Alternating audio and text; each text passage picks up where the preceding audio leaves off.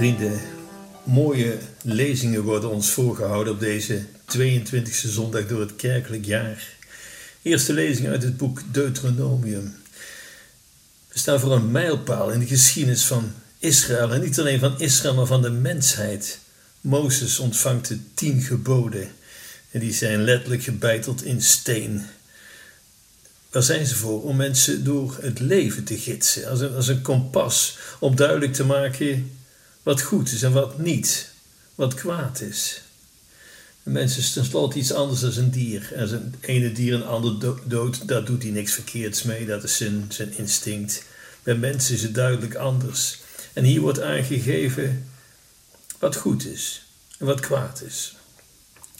Deze tien geboden die hebben het geweten gevormd van de twaalf stammen van Israël. Het heeft de identiteit verschaft. Wat, wat deed Israël verschillen van, verschillen van omringende landen? Uiteindelijk ook van de hele geschiedenis van de wereldbeschaving. Die tien geboden, we zijn ze blijven herhalen. De kerk doet dat nog steeds. Waar komt het op neer? Geef God een plaats in je leven en heb zorg voor anderen. Dat zien we zo vaak. Hè? Wie zijn die andere arme, weduwe, wezen, vreemdelingen?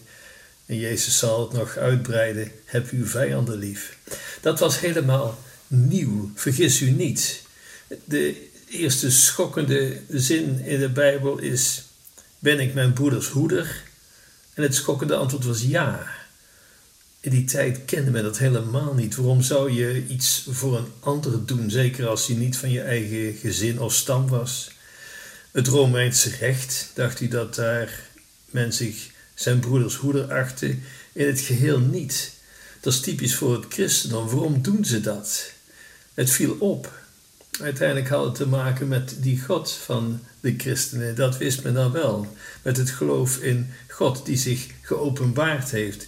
Geloof in een transcendente God die ons overstijgt. En die ons opdoet tot een goddelijk leven.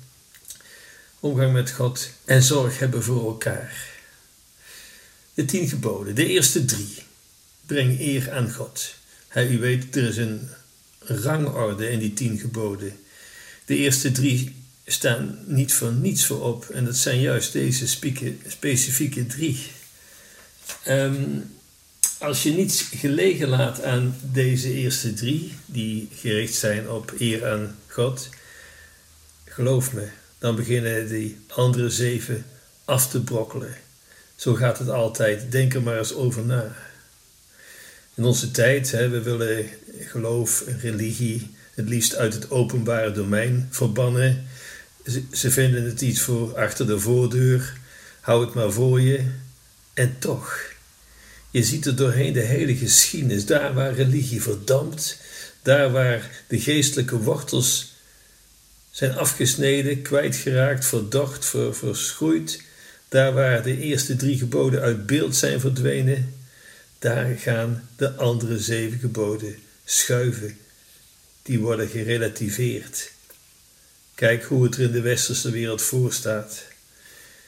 Niet doden, niet echt breken. We weten hoe het op grote schaal eraan toe gaat en we praten het goed. Waarom? Ja, die, dat kompas, het eikpunt, die eerste drie geboden zijn uit beeld verdwenen. Je ziet het in elk aspect van onze maatschappij, van onze cultuur, van ons leven. Ondanks spectaculaire vooruitgang in wetenschap en techniek, en dat heeft ons ontstellend veel goed gebracht, maar moreel gaan we er niet op vooruit, in tegendeel. Gemeenschapsgevoel verdwijnt. Ja, als God de Vader is, zijn elkaars broers en zusters. Als God verdwijnt, verdwijnt ook dat gemeenschapsgevoel. Het individualisme viert hoogtij. Typisch voor de christenen was altijd zorg voor mensen van die gemeenschap en ook van buiten die gemeenschap. Voor vreemdelingen die in de problemen zitten. Men vroeg zich af waarom doen ze dit? Het was een onbekend fenomeen en toch. Als je de tien geboden negeert, hè, ik bepaal zelf al wat goed en wat kwaad is, en wat voor jou goed is, hoeft het voor mij niet te zijn. Ja, als je dat negeert, ai ai ai, het is dan ieder voor zich. Waarom zou ik me druk maken over anderen? Die zoeken het zelf maar uit. Als de tien geboden afzwakken, gerelativeerd worden, als er geen waarden meer zijn die gemeenschappelijk gedeeld worden, dan komt de een tegenover de ander te staan. En is er geen gemeenschappelijke noemer meer waarin, waar iedereen zich in kan vinden. En dan gaat het serieus mis. De mens, de maatschappij, is niet altijd immoreel geweest. Ja, kijk, eigenlijk wel. Het begint al bij Kain en Abel, eigenlijk al eerder. En dat hield nooit meer op. De een sloeg de ander dood.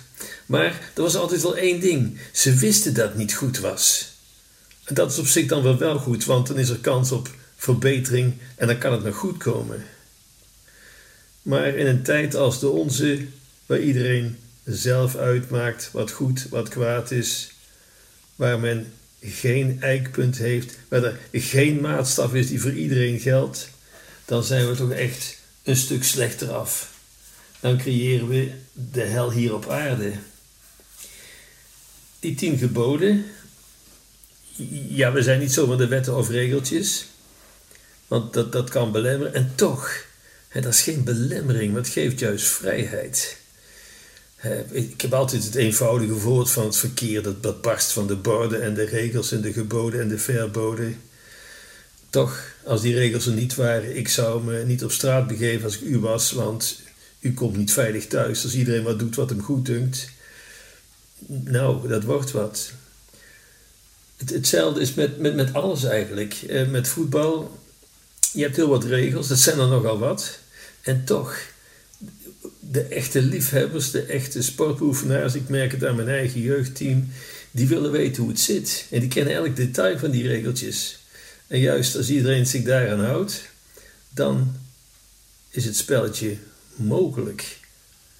Je moet eens zien als een scheidsrechter zich vergist. Ja, dan weten ze, dit klopt niet. En dat is niet alleen dat het niet klopt, maar ook het maakt het spel lastig en onmogelijk. Enfin.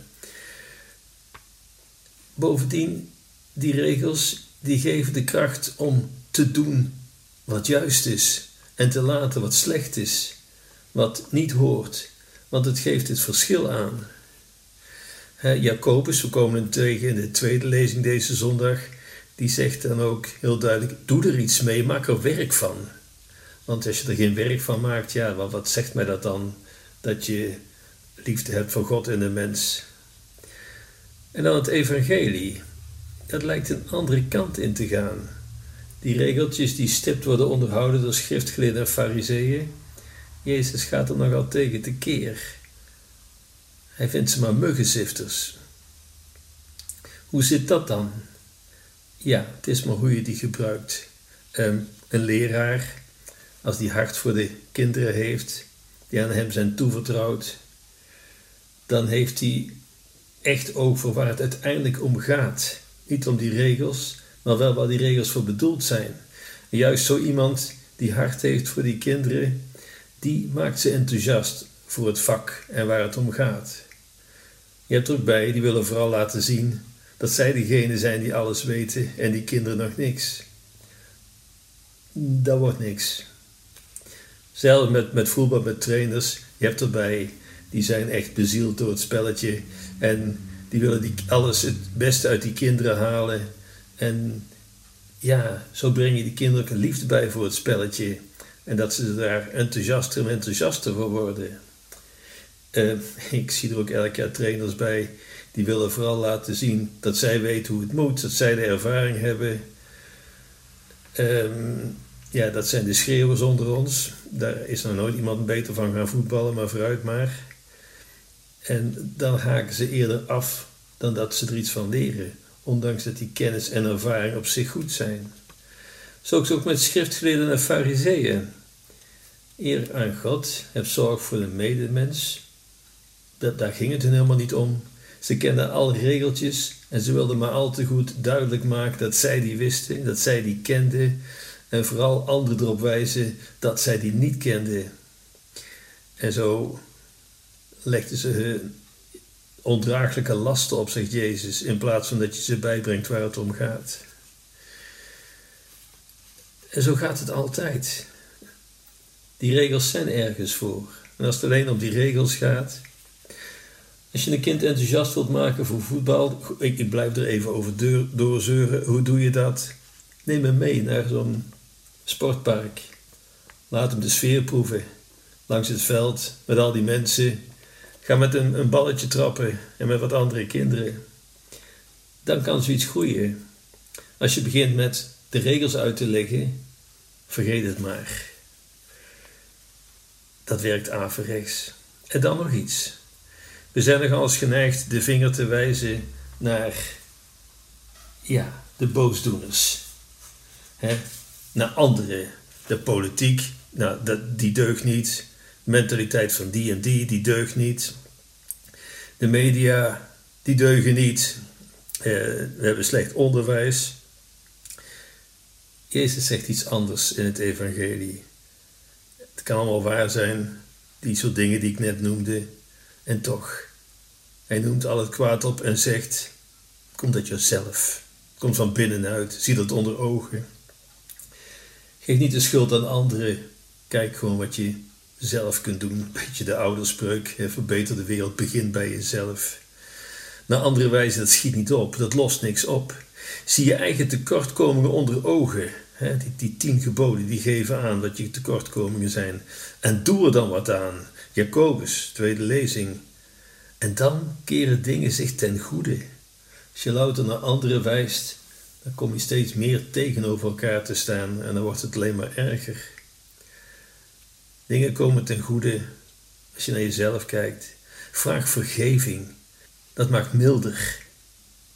Milder voor wat? Voor andermans tekortkomingen. En dat komt de sfeer, de geest ten goede. Als je de Heilige Geest hebt, die we met het vormslottig hebben ontvangen, als je die zijn werk laat doen, en dat kan maar als je bidt, sacrament ontvangt, Bijbel leest, dan ga je meer en meer begrijpen wie Jezus is. En dan komt die Heilige Geest maar meer en meer tot zijn recht. Als je de Heilige Geest zijn werk laat doen, dan veranderen er dingen. En dan ontwikkel je ook deugden. Deugden, dat gaat maar door oefening. Niet door vingerwijzen, maar door oefening. En dan verandert ook je omgeving. Vraag vergeving. Vergeving, juist dat zie je helemaal verdwijnen in onze tijd.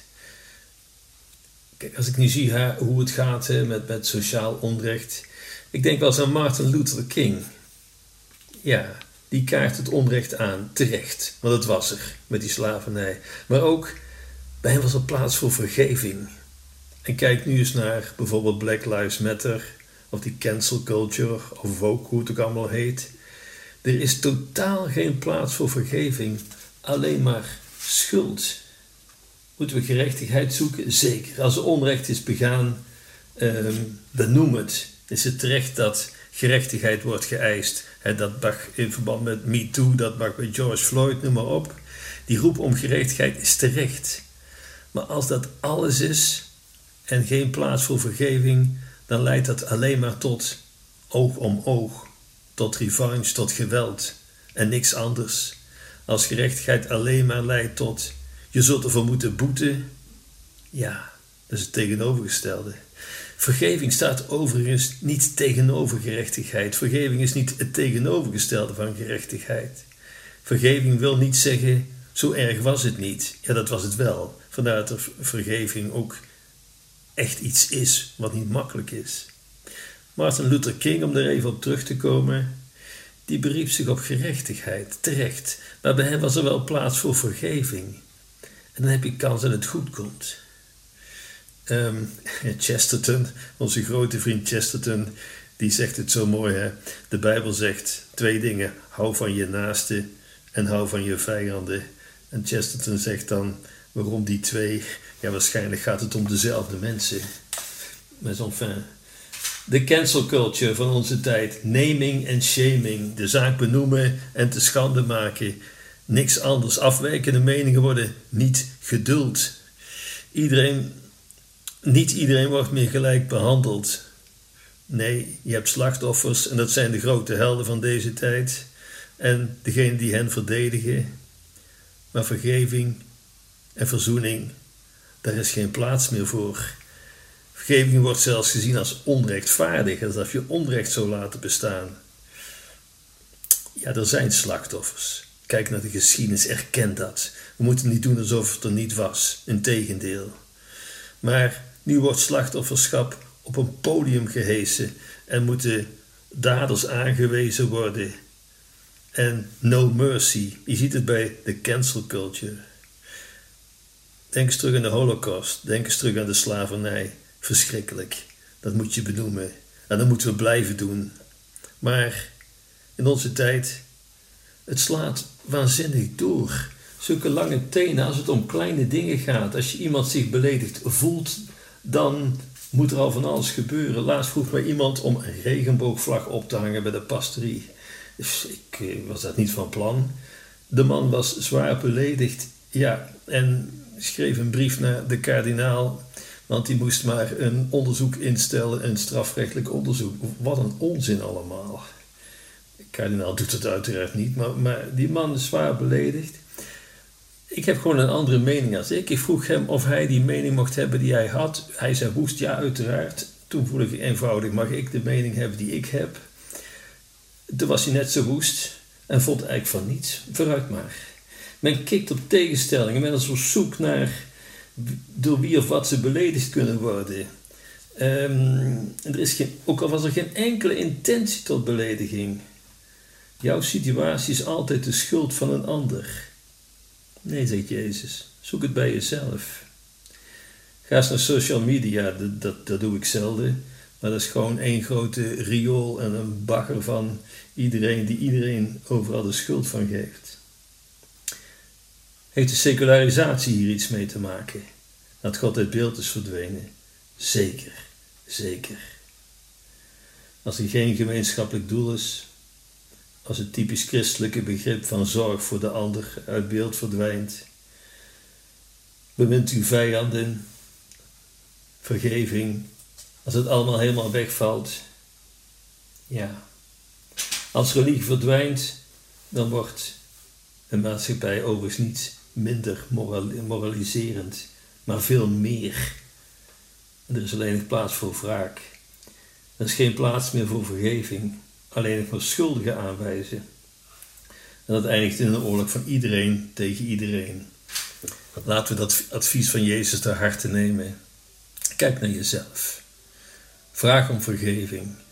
Dat maakt milder als je naar anderen kijkt. En zo keren dingen zich ten goede.